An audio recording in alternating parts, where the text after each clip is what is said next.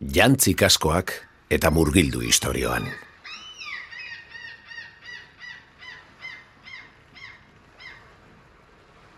Jo, segula ez dut ulertuko metalezko ontzi hau nola ez den urpean ondoratzen. Miresgarria da baiet. Ez dakit nola egon zaitezke, nain pozik burdinezko kutsa horretan sartzeko. Bero, zakur bat bezala euripean lotuta egotea baino hobea da. Ah, berriro horrekin, esan izun enekien euria egingo zuenik. Noski, noski. Jakinezkero zetazko denda batean utziko ninduzun luxu zinguratuta, baina katez lotuta. Ta ni aibarko ziega nola edukin induzuen ba, eh? Gitarra jo eta txokolatea jaten? Txokolatea hauei eskatu. Salam aleikum. Aleikum salam. Dena prest? Jakina, txangora joateko desiatzen. Humore honean dago ez. Bai, honegian. Ja. Kontu zibili aitor. Bere askatasunaren trukean Muñoz Eibartik askatzen lagunduko digula hitzeman du. Baina ez dago guztiz fidatzerik. Ez dagoela guztiz fidatzerik?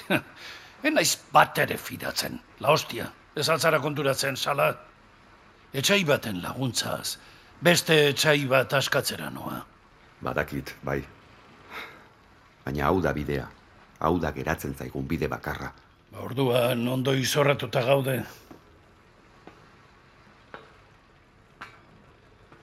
Aio, sala. Itzutzen espana izasi xuri malkorik nigatik.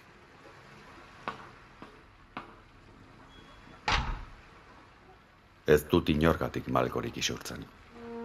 Agur, aitor.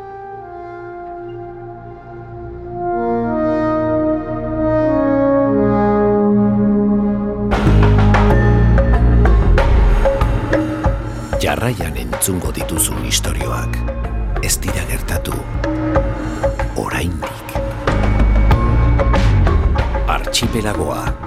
Hirugarren denboraldia. Laugarren kapituloa. Bidezidorrak.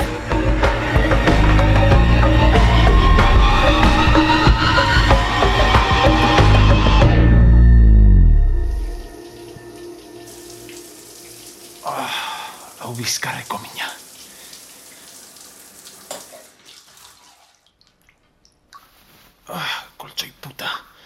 Bigunegia da. Ah! Ondo zaude, jauna? E, e, egon apur bat, biluzinago. Barkatu, jauna, ez zen nire asmoa. Oiu bat entzun dut eta ikaratu egin naiz. Bai, lasa Karl. Nire errua izan da. Izan ere, ah, bizkarra txikituta dut. Enago emota hauetara oituta. Ah, bai.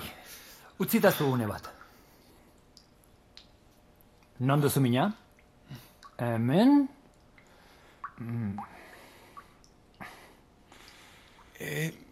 Bai, hor. A- Apur bat berago. Ah, hor, hor. Ez mugitu Bai, lasaitu giarreak. Min ematen dizut? bai. Baina ez geratu, ez geratu, segi.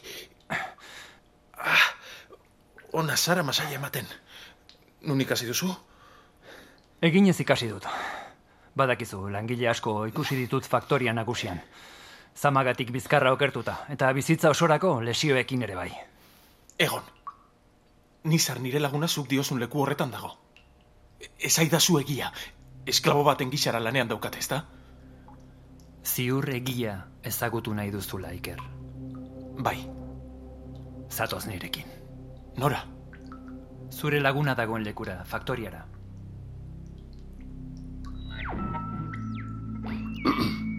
Zer, badugu konexioa Germaniarrekin ala ez? Horretan ari naiz, jauna. Horretan ari naiz. Herr Orbester Direktor, Herr Orbester Direktor, Sie hören uns zu? Ich wiederhole, Sie hören uns zu? Zuri kaiola bat dirudionek. Nor lortuko duzu bengoz konexioa ala ez? Barrabiletaraino naukate Germaniar hauek.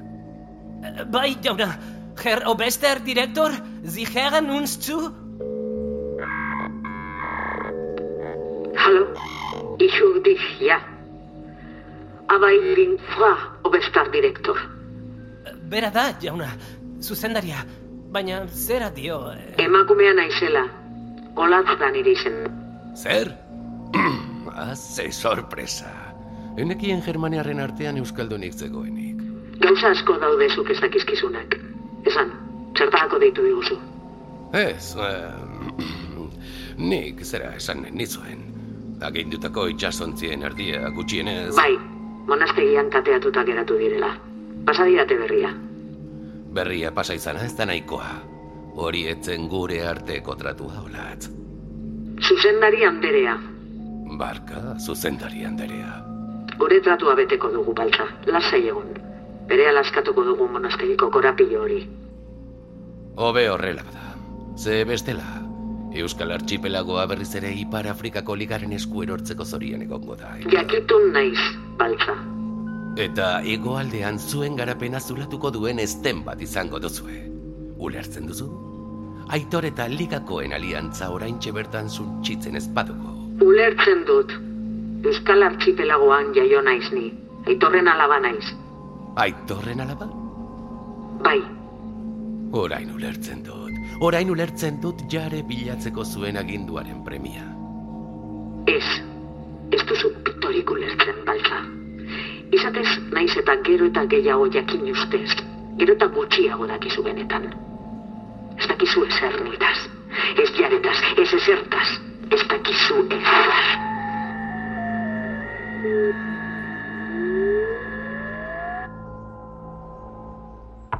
Iker, hor zaude? Oetik jeki zara?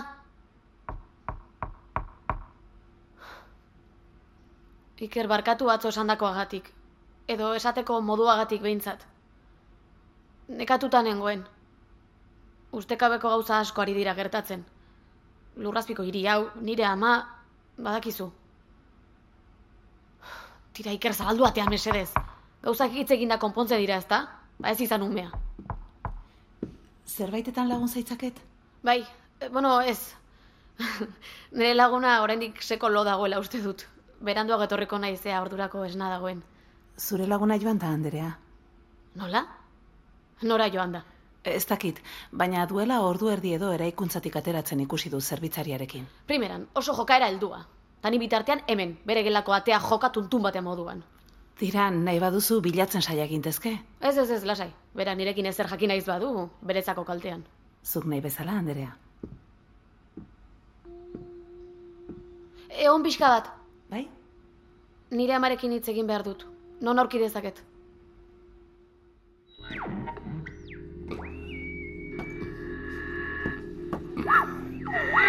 Tira, beno, konexioa berriz berreskuratu dugula dirudi. Ea oraingoan.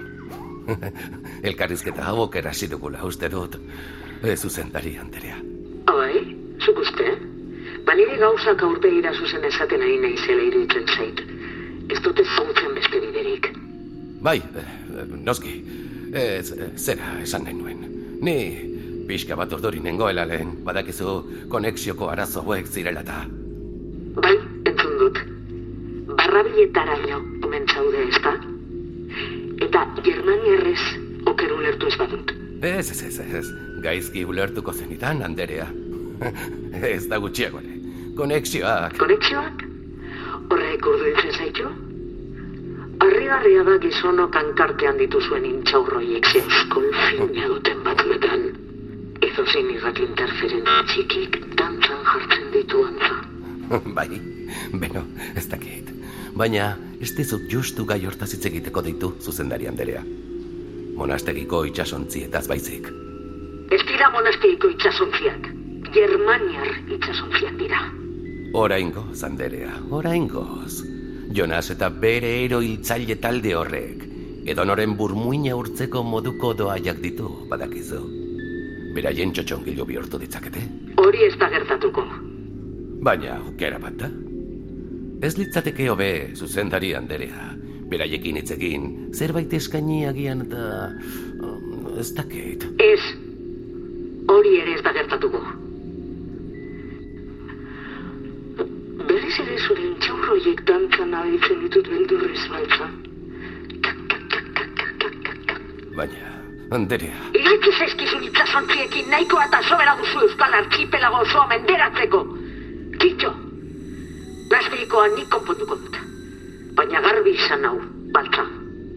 Hemen dagoeneko ez dago bide zuzena besterik. Bide bakarra. Ez dago bide zidurrik.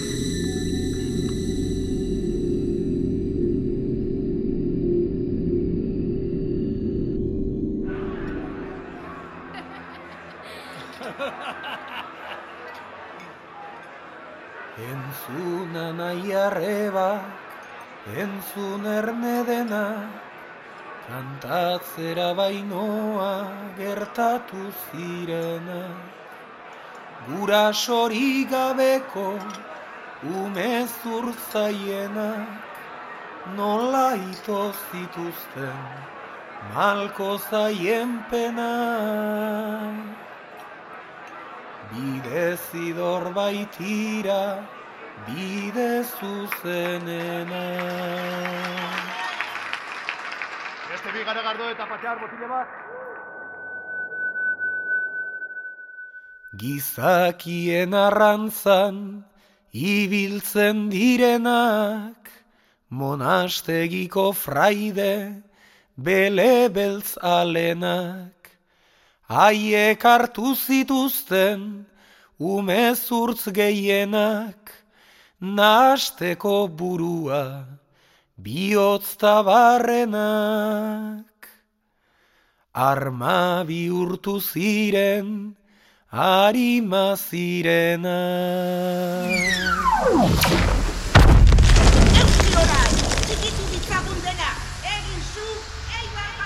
Gero etorri ziren kofradixakoak, beraien zatartzera gertatutakoak, ta naiz gehienak izan haur ume mokoak, zizelkatu zituzten haien modukoak. Gizakia gauza den beste mundukoa. Begia begi truk, eta burua truk, buru truk. Kontutan hartu denok, itxuan esana, berak ikusten baitu, garbi iragana.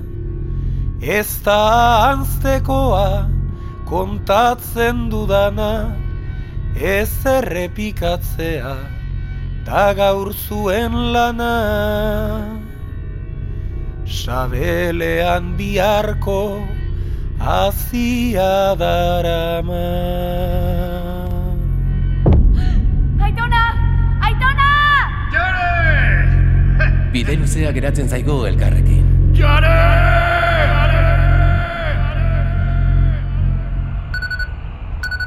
Ta, soinu hori normala alda. Bai, lasai. Motorra da. Ondo goaz. Ikusten duzu pantailan agertzen den gunea? Zein, eskuineko luzeska hori? Galtzerdi itxura duena? Bai, galtzerdi itxura duena. Duranako uartea da. Gaztizko badia albo batean utzi dugu. Eta iparreruntz goaz. Otxandioko itxasartetik igaroko gara. Eta gero ibarraldera hartuko dugu. Ados, ados. Otxandio igarotzeko urrazaletik gertuago nabigatu beharko dugu. Goruntzkoa zorain apur bat. Presio aldaketa nabarituko duzu agian. Lasai, ondo nago. Apur bat zorabiatuta soilik. Bai, normala da. Horko konpartimentu horretan kantinplora bat dago nahi baduzu. Ur pixka bat ondo etorriko zait, bai.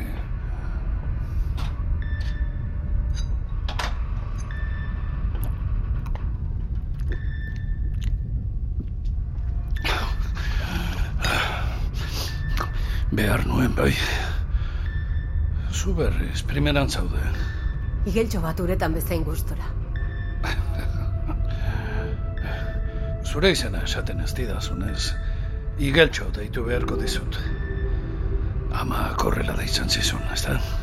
Igeltxo. Bai, baina zu ez zara nire ama. Hortaz konturatuta nengoen. Nongoa zen, zure ama esan nahi dut. Balmasedako lur muturrekoa. Balmaseda. Ondamendiaren aurretik bertan izan itzala oroitzen naiz. Bai, Bai, Oso inguru polita. Egundoko paisaia, itzalezko etxeak eta jauregiak. Eta itzelezko hildakoak. Oso polita dena bai. Sentitzen dut. Biotzez esaten dizut. Bueno, bai. Gaitza jota hil ziren aita eta ama. Baina aspaldi izan zen. Jada naizia gogoratu ere egiten hartaz guztiaz. Nire gurasoak bigarren olatuak eraman zituen. Desagertu egin ziren, besterik gabe. Amak eskuetatik heltzen ninduela gogoratzen naiz. Baina olatua etortzen ikusi zuenean, aitak eta biak zuaitz batera igotzen lagundu zidaten presaka. Horrek salbatu ninduen. Zuk ere salto egin zenuen, igeltxo batek bezala. Bai, Eta beraiek? Zure gurasoak. esan dizut. Desagertu egin ziren. Olatuak, ostrole horrak balira bezala eraman zituen. Betirako. Mai, Zer, kofradixak hartu ninduenetik beste izen batzuk ere izan ditut. Baina nire benetako izena gurasoek jarri zidatena hori da. Mai, ara, zer. ez duzu matia aurpegirik. Eta zuk baba aurpegia duzu agure hostia. Ez azarretu, mati.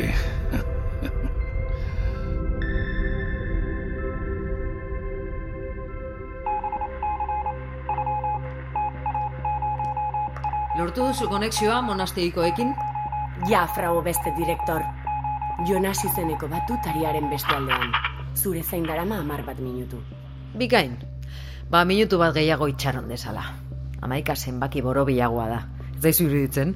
Bai, noski, frau direktor.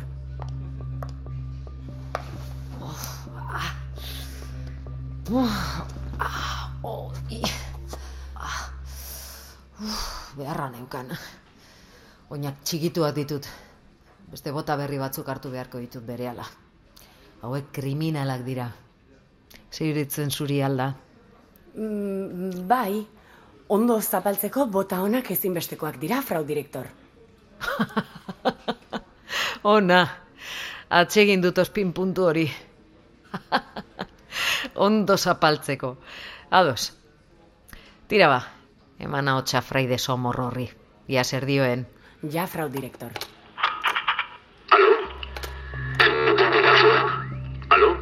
Bai, entzuten zaitugu, Jonas. Olatz naiz. Hola, aspaldiko. Jainkoak alzaitzara bere besoetan. Ze moduz? Gutzi erretolikak zure mesa mutilentzat, Jonas.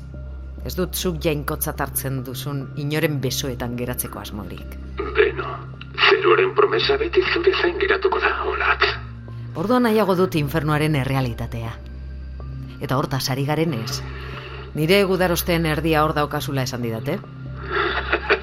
bai, beno, gure guarteko edertasun eta bakeaz liuratuta geratu direla dirudi. Amets bat bezala da hau beraientzat. Ez dakit ulertzen didazun. Bai, ulertzen dut. Zure aur aingeruen doaiak erabili dituzu beste behin. Buruan ahaztu diezu. Nik? Olatz. Jainkoa da ingeruen nagusia, badakizu. Hori bai, ekarpen baten truke, ofrenda baten truke. Nik uste, jainkoari zure soldaduen alde otoetz egite lagunduko nizunda. Ofrenda baten truke. Ze, ze erruki horrazaren. Diru erreskate baten truke esan nahi duzu, ezta? Dirua? Ez, ez, ez, ez. Deabroaren simaurra da hori. Nire ametxek esan didatenagatik, guri jainkoak behar duena. Armak dira. Armak? Zure jainko erruki horrak armak behar ditu? Bai. Bekataren zauria garbitzeko alik eta armak egin. Ados. Armak beraz. Ba izango dituzu, Jonas. Eskeskatu.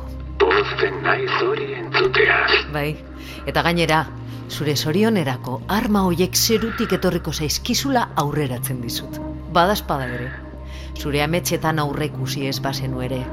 Zer esan nahi duzu? Ez dut ulertzen. Agur Jonas, placer bat izan da zurekin negozioak egitea. arrazoi zenuen alda. Botak ezinbestekoak dira zapaltzeko. Esan segurtasun batzordeko etortzeko.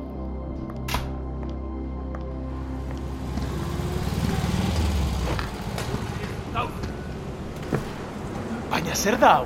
Shhh, makurtu. Ikusi egingo gaituzte. Hau faktoria nagusia da, jauna. Esan dizu lehen ez deitu jauna. Iker izena dut. Ederki, Iker. Kontuz, bazterretik ibili, enkargatuetatik urrun.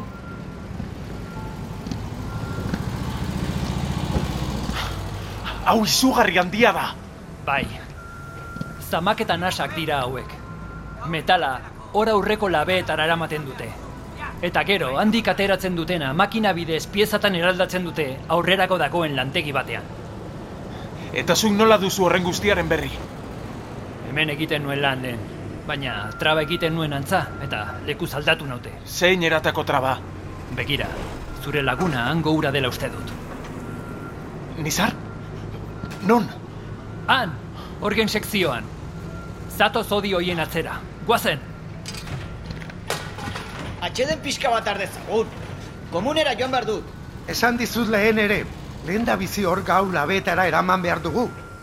Eta hori egindakoan beste orga baten bila joan barko dugu. Bai? Eta gero beste bat, eta beste bat. Tira joan zaitez komunera! Eta bake pixkat emantzazu. Nizar! Eh? Nizar, hemen! Iker, hala doatxua. Ein nuen inoiz pentsatuko zu ikustea zein beste postuko nintzenik. Kabroia zara gero. Baina esan nola zaude. Nola nagoen, ez alduzu ikusten. Lehertuta, Iker, lehertuta. Lanari ez diot inoiz beldurrik izan. Hemen balego, aitorrek esango lizuke beraien itxasontzian zamalanetan edo zoruali jatzen zenbat ordu eman izan ditudan. Baina hau, hau ez dago jasaterik. Ordu asko sartu erazten dizkizuete. Asko ez, Iker, denak. Ez dugu beste bizimodurik. Goizean goiz jeiki eta burdin puskak zamatzen edo haiek labetara garraiatzen aritzen gara. Ordua joan eta ordua etorri. Eguna joan eta eguna etorri. Atxedenik gabe. Egun librerik gabe. Soldatarik gabe. Soldatarik ere ez? Ez da posible. Galdeto esaiozu Karli sinesten ez badiazu. Karl, ezagutzen duzu? Bai, batzarretatik ezagutzen dut. Jende gehiagik ezagutzen du. Berak lagundu naino, horratzean dago. Bazure laguna bada kontu zibiltzeko esan behar diozu. Ze esan nahi duzu horrekin?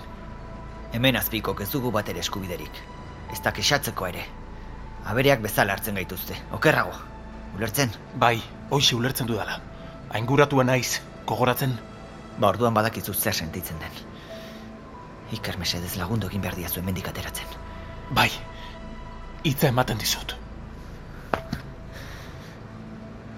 Lanera itzuli behar dut, zigortuko naute bestela. Ezin dut gehiago jasan.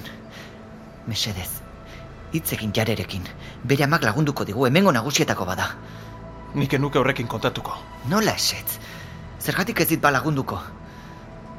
Eta jaren ondago.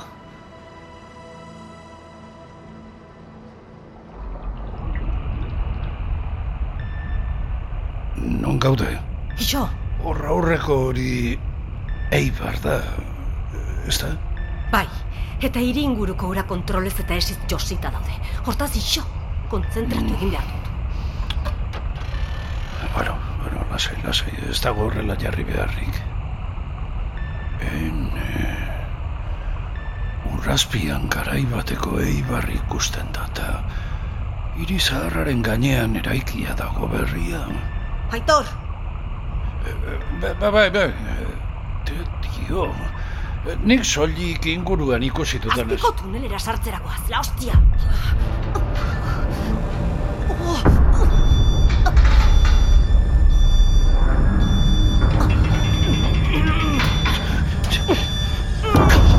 Ze arraio, txikitu egingo gaituzu.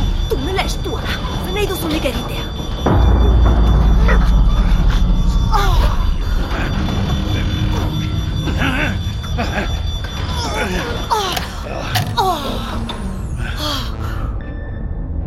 Zer, kitxo?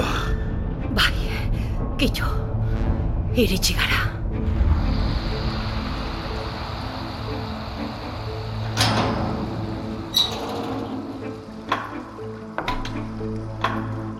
Eibarren gaude berriz. Baina sarrera hau ez da erabiltzen ataka berriak egin zituztenetik. Baina, frau direktor, ziur zaude erabakiaz? Era bat, Matias. Bestela ni zuen segurtasun batzordeko ideituko. Egin beharra dago. Bai, noski, frau direktor. Baina esan dut, zera, seguru pentsatu duzula? Kontziente zara erabakiaren ondorio ez? Erabakiaren emaitzez naiz kostiente, Matias. Hori da xola duen bakarra. Arotzak ezin du lurreko zerrautxari begira negarrez jarri. Arotzaren aurreko laneta hitz egiten ari garela iruditzen zaitordea, frau direktor. Bomba nuklear bat da. Hemen, zuaitza izkoraz botatzeko erabakia hartzen ari gara. Edo baso osoa hobe esan da. Geure zuaitzak tarteko direla. Ze monastekira bomba bat botatzeak gure itxasontziak ere suntxitu ditzake. Hori da esan nahi nizuna ondori ezari nintzenean, ez dakit ulertu didaz. Noski ulertu dizudala, Matias. Zuek, zarete, zer ulertzen ez duzuenak. Soldaduak gerrara joaten denetik, badaki hiltzea dela bere aukera nagusietako bat. Hori ez da arrisku bat. Hori onartutako probabilitate bat da. Arriskua, soineko beltzeko fraidergel batzuk Germaniar Konfederazioaren agintea zalantzan jartzea da. Guri lapurtu eta aurrez aurre gurekin negoziatu dezaketela pentsatzea. Hori ez da gertatuko. Ez monastegiarekin, ez beste inorekin. Ulertu duzue. Bai, noski, frau direktor, bai. Orain garbi daukat. Erabaki honen jakitun da komite zentrala, frau direktor? Ez dakit badakizun, begena. Baina nik doai bat daukat. Doain asko dituzu, frau direktor. Ez dut zalantzan jartzen, baina... Ez, benetako doai bat esan nahi dizut. Monasteiko ume zurtz gisa joien antzekoa. Bilatzaileen antzekoa. Nik begena, pertsonen pentsamenduak entzuten ditut. Argita garbi, belarrira xuxurlatuko balizkidate bezala. Baina, nola?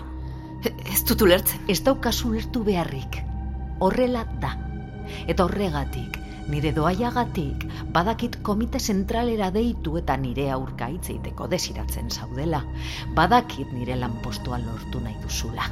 Ez, ez, ez, ez, frau direktor. Hori ez da horrela. Ni... Badakizkit gauza gehiago ere, begena. Zure sekretuak. Badakize gordetzen duzun zure oe aspiko kaxan. Badakit zertarako. Nik...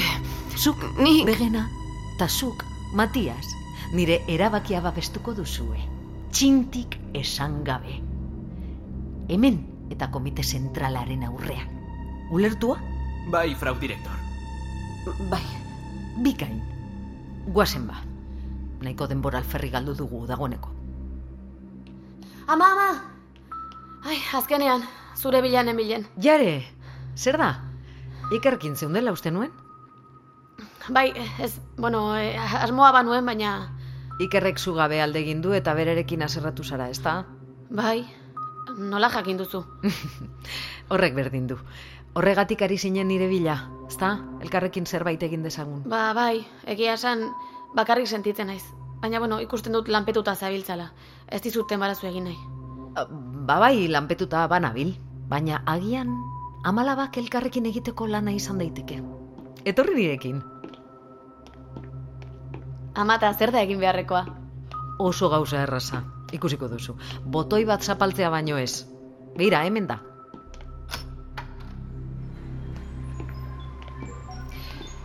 Ia ba, ikus dezagun. Koordenada hauek finkatu behar ditut lehen da bizi. Abiadura finkatu... Zer da?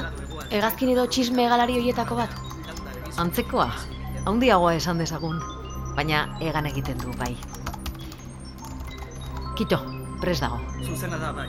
Aktibatuko dugu, frau direktor. Bai, hori da. Begena eta Matias, sartu zuen giltzak aktibazio dispositiboan. Gero jarek zapalduko du botoia. Bai, lastana? Bai, noski. Pres dago jare, zure txanda. Zapaldu indarrez. Kito, egina. Bikain. bueno, etzen gauza handia.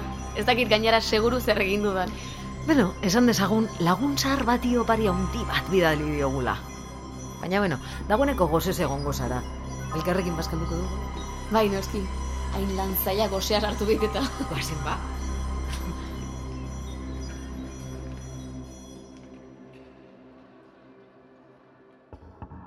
Sar naiteke, Jonas Araya. Bai, Fray Angeliko. Bai, sartu. Ondo joan da Germaniarren negoziak eta? Ez dakit. Enaiz emakume deabro horretaz fidatzen. Gure aire eremua zaindu behar dugu bada ez bada ere.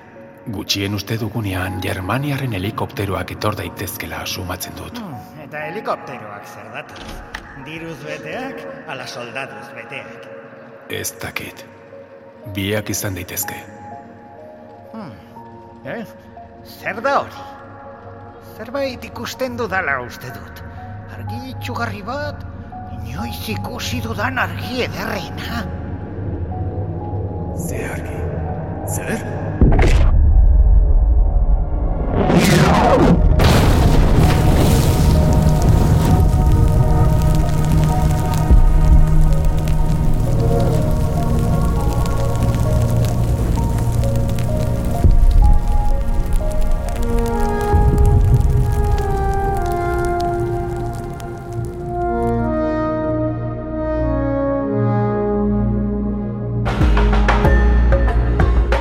Archipelagoa, Ulu Mediak EITB podcastentzat ekoitzitako soinu fikzioa da.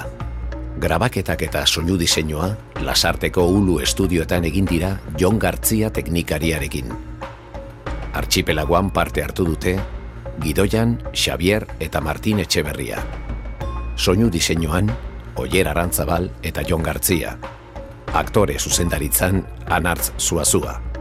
Jatorrizko musika Rafa Rueda artea Xavier Sagasta. Besteak beste, honako aktore hauek parte hartu dute.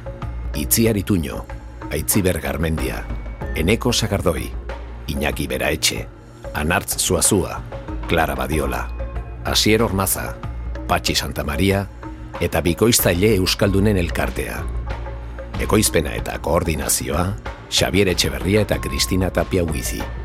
Zuzendaria, Oier Arantzabal. Sail guztiak entzungai dituzu EITB podcasten edo audioak entzuteko darabiltzun dena delako audioplataforman. Arpidetu eta zabaldu lagun, zein etxaien artean. Ei, txt, entzun hori. Ulu Media.